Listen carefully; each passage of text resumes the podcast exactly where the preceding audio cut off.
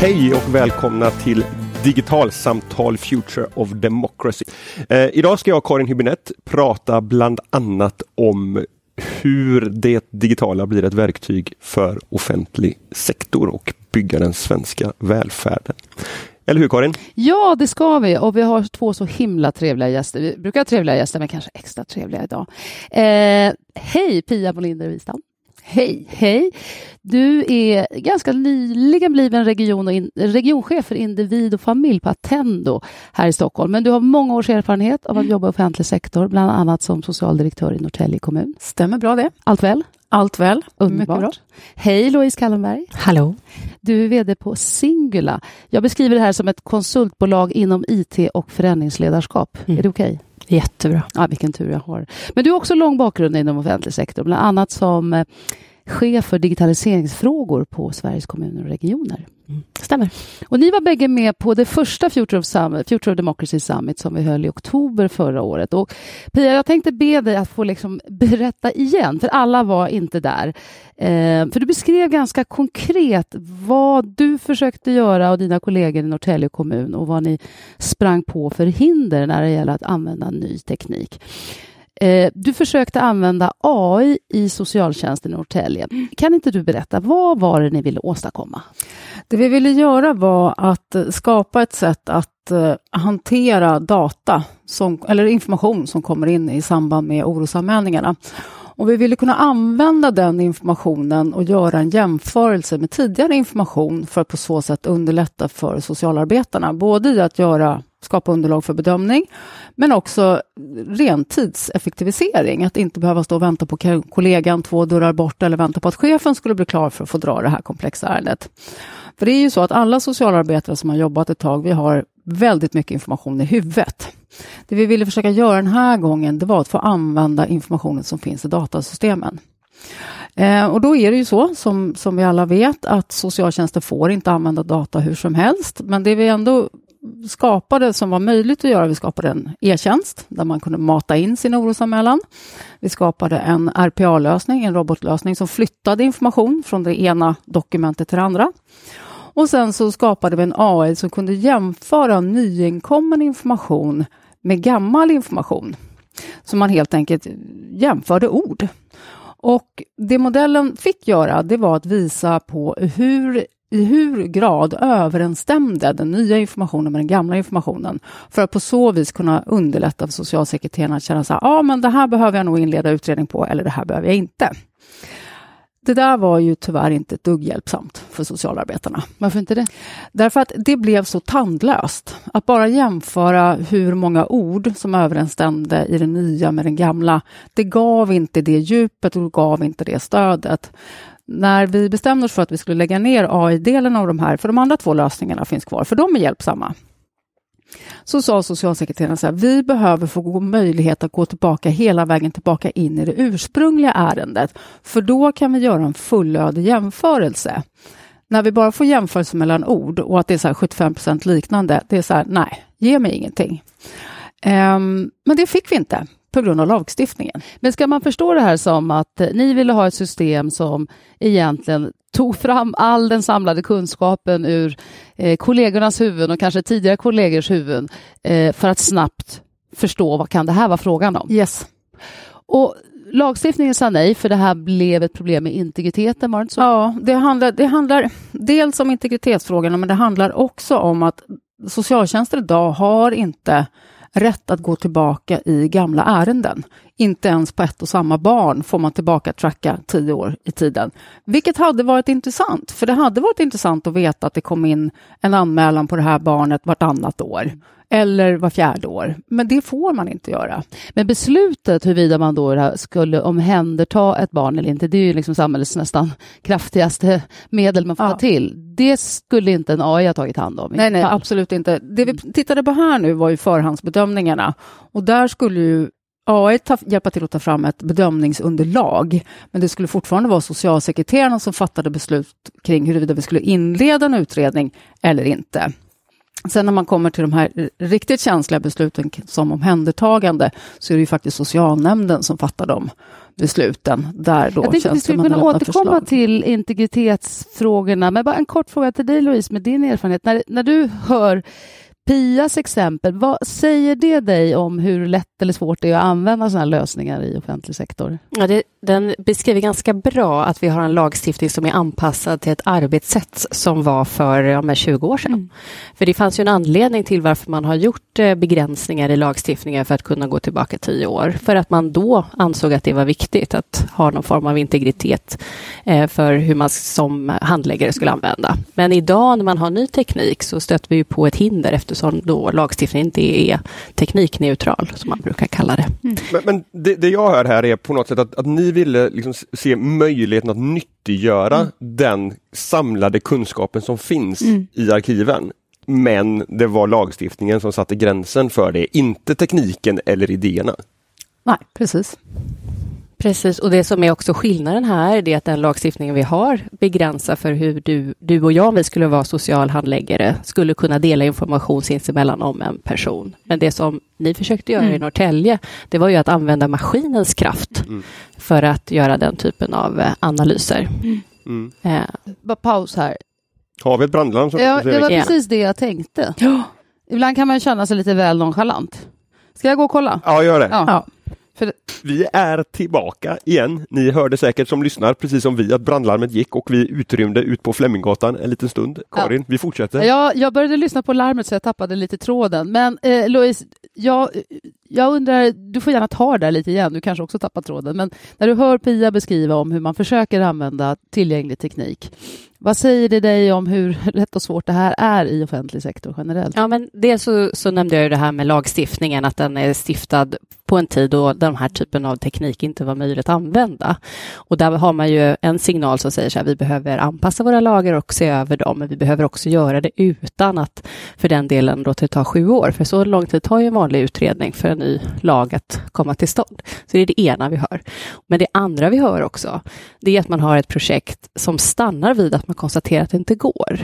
Och det finns ju också många som hävdar att det här borde egentligen ha prövats. Är det någonting som vi skulle kunna ha undersökt lite närmare tillsammans med till exempel Högsta domstolen för att se om vi kan ha nya prejudikat i Sverige? Är man lite sådär better safe than sorry? Det, varför ska vi gå den här vägen? För säkerhets skull, vi säger nej. Ja, det skulle jag säga. Man har en försiktighets... Eh, en, en inställning att man ska vara mera försiktig. Samtidigt har man ett uppdrag att eh, tillhandahålla den bästa servicen. Eh, det finns inte en offentlig del i vårt eh, avlånga land som inte ska vara rädd om resurserna och effektivisera. Det känns som att det är en motsättning här. Ja, och jag skulle säga att det är just den här målkonflikten som eh, vi i det politiska samtalet saknar. Den här konflikten med, ska vi inte ta använda all tillgänglig teknik som vi har för att rädda våra barn, för att ge den bästa servicen, för att värna om mänsklig värdighet och så vidare. Den, det samtalet har vi ju ännu inte lyft, utan det vi säger är att det viktigaste är att vi inte ska kunna finnas på en löpsedel och säga att vi slarvar med skattemedel eller att vi slarvar med information. Men, men, då tänker jag så här, för att det, det du beskriver nu är en, en, en, en försiktighet utav olika skäl för att testa och utforska vad tekniken kan, kan bidra med in i samhällsbygget. Yes.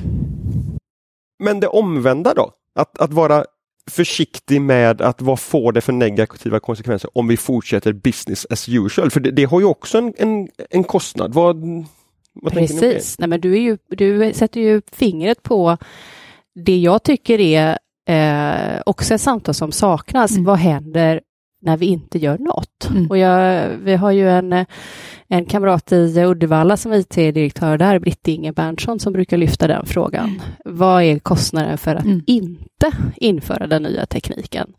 Vad är det vi då vi sitter med för lösningar och vad är det då eh, för ja, situation som drabbar? Du var ju ändå helt hands-on inne i ett försök att Mm. göra någonting effektivt. Vad, vad möttes du av för argument? Var, var det bara integritetsfrågan eller vad, vad, hur lät det hemma hos dig då?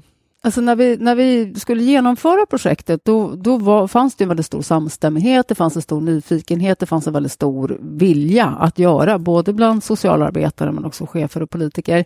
Det som vi sen, när vi märkte att vi, vi fick inte ut den här sista krämen ur AI som vi ville ha, då blev det ju faktiskt att rent krasst titta på det här, att det som den här AI gör, det väger inte upp kostnaden för det. Så vi fick varken någon nytta och det kostade för mycket pengar. För att då, så, ja, då finns det ju inget incitament att fortsätta.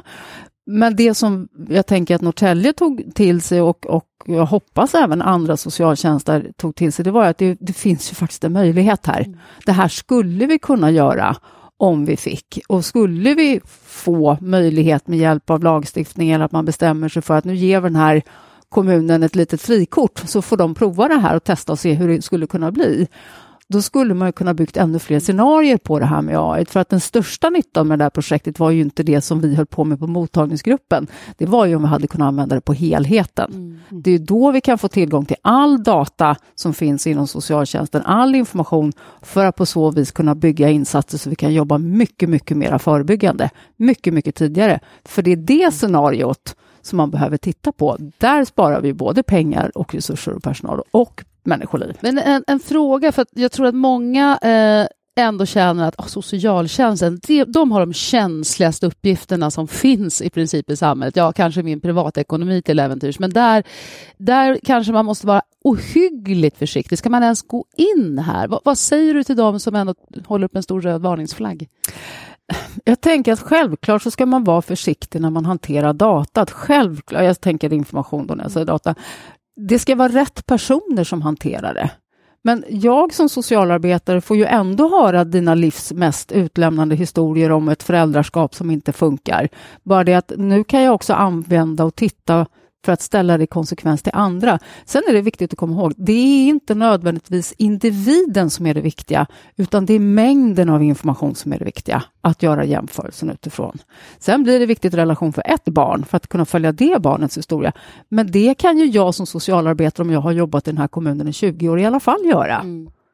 Så att frågan är bara antingen så väljer vi att använda data för att göra stora eller så får vi förlita oss på att vi har personal som stannar kvar i evighet. Och så ser det inte ut. Mm. Så ser det tyvärr inte ut och det lär inte göra det heller.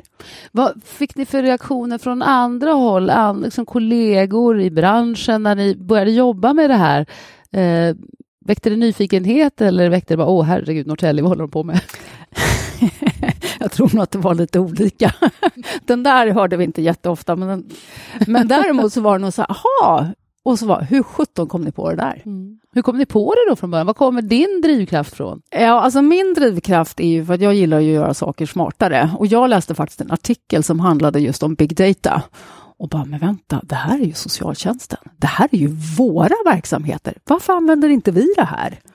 Och sen hade vi en eh, dåvarande socialdirektören Annika Blomsten som var väldigt teknik, hon har jobbat mycket på SKR med de frågorna också och vi hade infört en robot och då tänkte hon så Pia kan vi inte göra det här på barn och ungdom? Jo då, sa jag. Och så hamnade vi på en workshop där vi landade i ett AI istället. Mm. Så att det handlar väl om att ha både chefer och ledare som är lite visionära men som också har en grundförståelse för vad tekniken skulle kunna göra. För det är någonstans där som vi kan börja gifta ihop de här två delarna som, som det behöver stå på. All utveckling behöver stå både på verksamheten och digitalisering. Då. Och Louise, med ditt helikopterperspektiv när du var på SKR, hur eh, representativ är den här drivkraften som då bevisligen fanns i Norrtälje, om du skulle ge någon slags generell bild av det mm. offentliga Sverige? Vi, vi startade ett eh, AI-nätverk för kommuner och regioner på SKR, där eh, den här typen av eh, initiativ fanns på, jag tror vi hade 20, 20 stycken ungefär. Och just då var ju det representativt för en nyfikenhet och att man precis hade börjat sin AI-resa. Och det här var också i samband med att Vinnova hade sin, mm. sin första utlysning. Jag precis. tror att det här projektet var ja, en del av det. Eh, och där kunde man se att ungefär så såg det ut då. Eh, vad kan det här ha varit, 2018, 2019? Mm. Eh, att man hade tänt liksom nyfikenhetens lampa och att det fanns eh, mycket tankar kring vad man skulle vilja göra. Eh, men det var som små öar. Mm. Eh, sen det som saknades var ju många gånger i den politiska sfären att man pratade om en, en eh, AI-strategi. Nej, det gjorde man ju inte. Då, möjligtvis pratade man om digitalisering, mm. Eh, men inte det. Jag, jag, jag få tankar utav både det som du är inne på Pia och, det, och ska försöka gifta ihop det här för att, för att du säger att det som det som blev resultatet här blev trots allt inte riktigt så bra som ni hade hoppats på. Mm. Men det finns ju ändå ett, ett, lärande att göra här men, men liksom utifrån sett så skulle man kunna klassa det som ett, som ett misslyckat projekt. Kanske om man får, om man får hårdra det. Och samtidigt så säger du att det saknas, alltså så här, behövs det i det privata näringslivet så pratar vi om riskkapital, där vi har investerare som liksom så är medvetna om att nu satsar vi på det här mm. startupet och det här startupet och det här startupet. Något av dem kommer lyckas. Mm. De andra kommer inte. Finns det liksom ett, finns det ett behov av liksom ett ett offentligt riskkapital som kan våga gå in och stötta ett sånt här enskilt projekt i en kommun för att alla kommuner ska dra lärdom av det och, och därmed liksom kunna liksom växa den svenska välfärden tillsammans. Ja, men det, det, behövs och jag tror att man kan kalla det för försöksverksamhet. Ja. Eh, till exempel, det är ett sätt att hantera riskerna, att mm. göra det säkert. Eh, och du var inne på det också Pia, det här att man skulle ha någon form av eh, frikort för en kommun mm. Eh, att göra vissa verksamheter och det har ju Komet, eh, regeringens egen grupp som tittar på, på hur man kan använda teknologi etiskt då, eh, tittat på och pushat också på den möjligheten. Så det är det som har hänt på politisk nivå de senaste åren är ju att det finns en större gehör för att skapa utrymme för att kommuner ska få våga och pröva och testa. För om man kan göra det och visa på till exempel den här tekniken skapar den här typen av nytta mm. eh, så kan man också säkra sig från de viten som många är rädda för. Mm. Förutom liksom, eh, att man kan få negativ publicitet så är det ju också vitarna som man är orolig för. Det är en bild jag inte får ihop. För att, man, dels så brukar jag säga att vi ska bli världsbäst på digitalisering i Sverige, kommer oftast från statsmakterna. Men vi har ju också legat i framkant med bredbandsutbyggnad, vi är tidigt oerhört digitalt mogna som medborgare. Det kan ju inte vara, jag hoppas i alla fall, att man inte ser möjligheterna. Vad är den här trögheten beror på i Sverige? För det finns ju också många exempel i våra grannländer där man åtminstone verkar vara mycket mer offensiv och prata mer från liksom statsmakternas håll om möjligheter och samordnar mer. Vad, vad, vad, vad, tror ni att det beror på att det är så här trögt i Sverige? Jag tror att eh, det finns eh, en eh, tillförlit till marknaden i Sverige.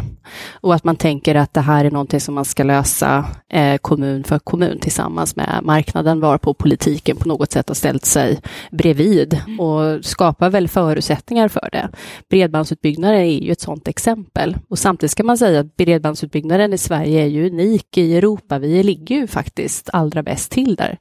Eh, det var ju också en, en medveten strategi som man hade på 90-talet att säga så här, nu ska vi köra bredband och Sverige ska vara bäst i världen. Det var ju Tony Blair och Göran Persson som gick ut i en sån satsning och sa väl att 2025 eh, så ska det finnas till alla, men det ja, får vi se. Men slog man sig till ro då, då menar du? Nej, men jag tror att man, man eh, eller om jag tittar på den svenska strategin så har den handlat väldigt mycket om att vara uppkopplad vad det gäller bredbandet och där har man satsat mycket. Vi har ju myndigheter som också fick stort mandat för att jobba med det, med PTS till exempel.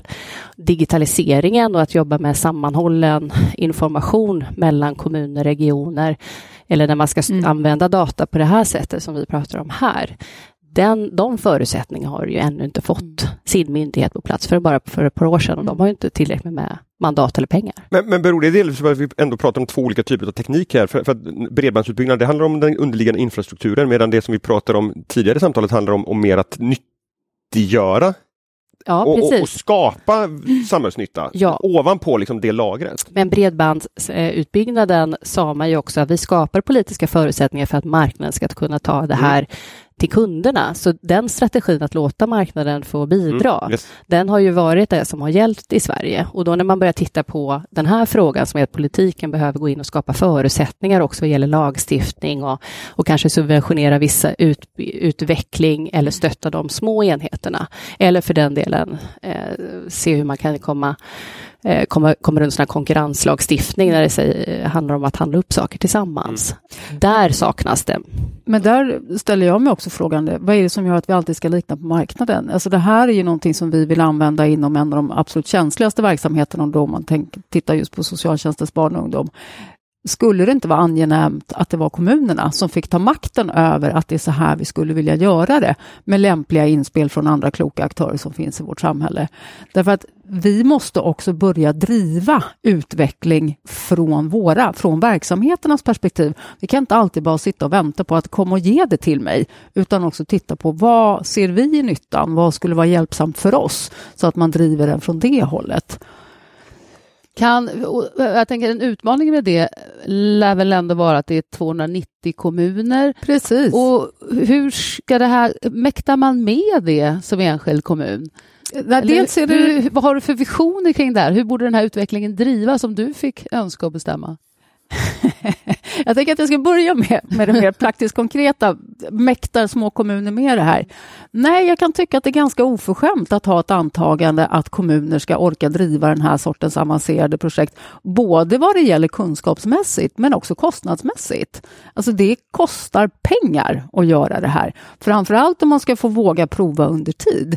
Är det verkligen rimligt att en enskild kommun ska behöva belastas för det? Jag tyckte det där med en riskfond eller investering, för det tyckte jag lät ypperligt. Mm. Därför att någonstans så tänker jag att apropå min vision, jag, jag, jag vill ju ha verksamhet som utvecklas från golvet och uppåt. Jag, jag skulle önska att en socialsekreterare eller som nu där jag jobbar, en behandlingsassistent kommer till mig och säger, vet du jag tänker vi skulle behöva göra det här. Och så hittar man tillräckligt många som tycker samma sak och sen så får man generera och bygga det tillsammans med de som är liksom teknikkunniga oavsett om det handlar liksom datorerna eller AI-modellen. Därför att när vi är flera olika perspektiv som tittar, det är då briljansen mm. kommer. Mm. Briljansen kommer inte av att det sitter en data scientist och bara tänker ut något intelligent. Det blir inte briljant. Det pratar vi om hela tiden i Sweden, det här att behovsägarna måste ja. vara de som är liksom så djupt involverade i det hela tiden. Och yes. det, det, går ju att prata om det som enskilda individer men också som du gör här att prata om det som, som kommunerna i relation till, till leverantörer också. Absolut. Men jag tycker mig också höra mycket att man, och för egen del kan jag själv känna, bara försöka sätta mig in i den här frågan, att ja, men det, det är någon slags IT-fråga. Herregud, vad vet jag om det? Ingenting. Att det finns ett, ett slags inbyggt mm. hinder. Eh, och samtidigt kan jag ta upp min mobil och strunta fullständigt i tekniken. Mm, ja. men, men hur mycket är det här ett problem? Jag tänker på kommun och regionnivå, att det blir en, en teknisk fråga, en IT-fråga och det får hanteras på en sån avdelning. Mm. Vad säger ni om det? Ja, men du har, eh, du har rätt i det, mm. för att en, en utmaning när man har det till en IT-fråga som dessutom ska göra tillsammans med upphandling och den typen av metoder, då blir det ju också en fråga som inte hamnar på ett eh, kommunfullmäktiges mm. bord, utan då blir det någonting som man sköter på de här typerna av avdelningar. Mm. Men om man istället ser det som en samhällsutveckling, mm. där man använder sig av information eller, eller samverkan med stöd av ny teknik, då blir det ju en helt annan sak. Men du, det du sa också, Karin, var ju det här att vi privat använder ja. så oerhört mycket Jag fattar ingenting, använder du då? Eller hur? Ja, och, och, vi tycker, för grejen är den med ny teknik så är det så här, det som gör dig lite smartare än vad du mm. var igår. Det som underlättar din vardag och gör saker lite snabbare än vad du gjorde igår. Och det som dessutom intuitivt förstås. Mm. Det blir framgångsrikt. Mm. Men allting som är krångligt och som hindrar dig i din, din vardag, både på jobbet och hemma, det nyttjar du ju inte. Mm. Så ny teknik, eh, det, den underlätt, det som underlättar vår vardag, det är också det som vi kommer ta till mm. oss ganska snabbt. Och där har vi också sett hur våra beteenden privat då mm. har förändrats mm enormt snabbt. Pandemin lärde oss också ha digitala möten på sätt som vi inte trodde var möjligt. Mm. Nu är inte digitala möten detsamma som digitalisering, men det är i alla fall har fått upp ögonen för mm. vad man kan använda ny teknik till. Och ändå så är det ju kanske i viss mån en teknisk fråga och då säger ni att ja, vi har så gamla system och det går inte att haka på moderna lösningar. Eh, jag är inte människa att bedöma vad som är, hur sant det är, men Eh, man pratar om en teknikskuld. Men hur, hur stort är det problemet? Och eh, en risk att man säger att vi får vänta tills de är uttjänta, vi kan inte göra någonting. Nej, men delvis är ju det sant, för man har en del, del avtal och också eh, man måste hushålla med både den teknik man har och den kassa som man har såklart. Men på ett sätt skulle det kanske vara enklare att börja liksom i ett annat steg, sen kasta ut skiten och så börja om från början. Men jag tror att det, det, det som man som beslutsfattare och ledare kan göra idag, det är ju att man lyssnar på sina då tekniker eller de som, som kommer med information att vi skulle behöva uppgradera vår tekniska eh, park eller vad det nu är för behov. Och så gör man det och så ifrågasätter man inte till vad eller till vilken nytta och varför och kostnader och så, utan man förstår att det här är någonting som också möjliggör att ställa om verksamheter. Mm. Eh, så det är det ena. Men det andra är ju också att för att använda den nya tekniken och det som man då ropar efter för att kunna eh, anpassa verksamhet så måste man också ställa om arbetssätten. Mm. Eh, så tekniken är den ena saken, Yes. men sen är det att leda ett förändrat arbetssätt och ställa om förvaltningarnas samarbeten. Och den här ledarskapsfrågan är ju spännande. Eh, och och kan man börja på en väldigt generell nivå då, för det är såklart att det, precis som det finns en och annan klok journalist, så finns det en och annan klok ledare. Eh, men hur avgörande är den, skulle ni säga, för innovation och utveckling? Vad säger du, Pia? Så jag tänker att det, ledarskapet är ju viktigt. Det- Det handlar ju dels om att främja en kultur som främjar den här sortens utveckling, oavsett om vi pratar digitalisering eller, eller förbättringar i generellt. Men i det här så kommer vi också väldigt mycket till en kunskapsfråga. Därför att det blir svårt att försöka ha en idé om en utveckling om jag inte ens har en förståelse för vilka eventuella möjligheter som finns. Ehm, Så där tänker jag att, att det behöver man också titta på. Vad, vad, hur behöver vi rusta våra ledare? Och faktiskt också till viss del, tänker jag, våra medarbetare. Behöver alla vi ha någon form av rudimentär kunskap kring, kring vad RPA och AI är för att ens kunna ha en idé om att vi skulle kunna Det låter utveckla? som du tycker det. Ja, det tycker jag faktiskt. Jag sitter mest bara och får lite dåligt samvete över att jag tycker det, för det är så mycket annat de också måste kunna. Men det är, någonstans Ja, behöver vi så man behöver helt enkelt, bara för att göra en jämförelse, det är bra med en statsminister som har handlat på nätet. Det kan vara Det underlättande, kan, ja. det kan vara bra. Det kan jag vet inte hur det är med Jag nuvarande, inte, men vi har ju hört lite vittnesmål tidigare. Ja. Ja. Skämt åsido, eh, och det kanske hänger ihop med den här synen på att det är en teknisk fråga, det är inte för mig.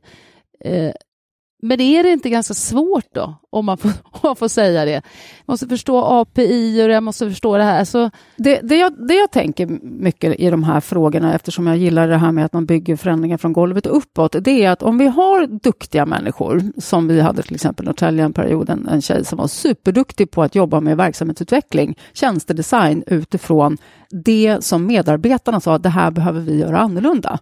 Gjorde man processkartläggningar i det här så var hon fena på att hitta bara, japp, den där processen ska vi robotisera. Och det är precis det vi behöver, därför att vi som kan kärnverksamheten, vi behöver få möta proffsen som hjälper oss att förstå att det där är lämpligt, för på sikt kommer vi själva att öva upp den färdigheten och då kommer vi komma med förslaget att titta nu här, är det här någonting vi kan göra annorlunda med hjälp av en digitaliserings... Men, men det, det handlar ju egentligen då om att inte ha förstått kanske tekniken, utan att förstått vad tekniken möjliggör. Både och, men jag tänker också att det handlar om att, att våga vända perspektivet. Att om jag som jobbar med en kärnverksamhet behöver också förstå, för vem ska jag göra det här till nytta? Mm. Ska det vara till nytta för mig eller ska det vara till nytta för de som är våra kunder och klienter? Mm. Så det är båda delarna skulle jag vilja säga. Det är ju det som är grejen med de här frågorna. Det är så jävla komplext. Du kan inte lyfta bara en, utan du måste alltid lyfta alla delarna runt det. Men det kanske också om man då bara, jag går till mig själv här med kritisk blick, alltså man måste också förstå nya fenomen i samhället. Mm. Det finns som heter blockchain, jag kanske inte bara strunta i och inte ens försöka förstå lite grann. Mm. Att det, de kraven måste man ställa, kanske ända ner på individnivå, men framförallt på ledare. En slags miniminivå Mm. måste man fatta. För annars så kan man inte navigera. Lite, lite så, ja, Ja. faktiskt. Och nu känner jag att nu gav vi alla chefer och ledare Nej, men jag att det Ja, bra ledare. Jag sa Jag, det. jag tänker det är en spännande tid att verka i Ja. också. Det är så oerhört mycket som händer. Yes. Så nyfikenhet och ett, någon form av utforskande mentalitet är ju bra. Om ni skulle vara lite visionära då, om, om vi både på ledarskapsnivå fick generellt ett lite mer nyfiket och intresserat eh, förhållningssätt, kanske vågade titta på vissa lagar. Vad, vad skulle den nya tekniken säga lite brett, vad, vad, skulle den kunna åstadkomma? Ja, men den, det så tror ju jag att eh, man skulle kunna få bli sjuk var som helst i Sverige och få, Mm. få vård var som helst i Sverige. Eh, och att man då blir ihågkommen den information som man en gång har lämnat ifrån sig om sin eh, Att ens journaler följer Ja, med på något sätt. Precis. Ja. Eh, en sån sak eh, skulle ju vara fantastiskt om den kunde möjliggöras. Men även om du som eh, liten har, det, har svåra förutsättningar att få ett, eh, en bra start eh, och du kanske har föräldrar som flyttar mycket eh, och som försätter dig i nya skolor så är det också med ny teknik och där vi också kan säga att sam, ja, information om barn skulle kunna få användas av samhället. Vad har du för visioner Pia? Ja, det där sista, mm. det älskar jag. Alltså just att vi skulle kunna använda informationen för att säkra barn och unga från att fara illa. Mm. Men för all del också vuxna människor. Um, och om man vänder mm. på steken då, om vi då inget gör eller gör för lite, vad riskerar vi? Och nu tänker jag ur ett brett samhällsperspektiv. Mm. Jo, men det, det som vi riskerar, och det, det behöver vi ju faktiskt eh, stanna upp i också, vi mm. tycker jag. Det, det, vi riskerar det att det är den här svenska välfärdsmodellen som vi ändå generellt sett är väldigt stolta över att vi har, där man faktiskt kan bli sjuk var som helst i Sverige, även om man inte blir ihågkommen som, som jag har som min eh, eh, mitt drömscenario så får du ju bra vård. Men mm. det som kan hända idag, det är att det blir någon form av så här, eh, spontan privatisering av allt på grund av att vi har blivit mer digitala, att vi gillar de digitala lösningarna. Och när Vad menar du med det? Jo, det jag menar är att när samhället inte hänger med mm. och lyckas ställa om i den digitala eh, tjänster och produkter och så vidare, så kan det också bli så att vi som säga, röstar med tangentbordet. Mm. Att vi säger, men det här får jag precis vad jag behöver och jag är inte så intresserad av exakt hur det finansieras eller eh, så. Och då så riskeras den generella välfärden? Absolut, mm. då riskeras hela det svenska Eh, modellen och det här bygget. Och jag tänker också faktiskt det, det samhällskontrakt som vi har byggt upp av att vi betalar förhållandevis höga skatter för att vi ska få väldigt mycket tillbaka. Om vi då inte har digitala lösningar som hjälper till att leverera den här åter, återgivandet till oss som skattebetalare, så är ju det ett, ett, ett förtroendefråga som börjar krackelera. Och där tänker jag att det blir viktigt, precis som du också är inne på, att, att titta på vi måste våga prata mer om risken. Vi måste prata om att fortsätter vi på det här sättet, då har vi byggt en välfärdsstruktur där vi inte, vi kommer inte ha folk att stoppa in som ska utföra jobben. Det kommer läcka medel därför att det blir oeffektivt istället för att kunna hitta det som är lärandet, det som är de gemensamma smarta lösningarna. Så att, att våga prata om det där riktigt obekväma, med riskerna. Och det blir ju mycket enklare då att skapa en app till exempel som gör en del av välfärdsuppdraget. Mm. Och det är inte fel i sig att ha appar som stöttar vårt vardagsliv. Men ju mer sådant vi har och ju mer offentlig sektor hamnar efter, mm. desto mer uttolkas också ja. det starka samhället så som vi känner det, men mm. också då demokratin och den påverkan som vi kan ha på, på det gemensamma samhällskontraktet.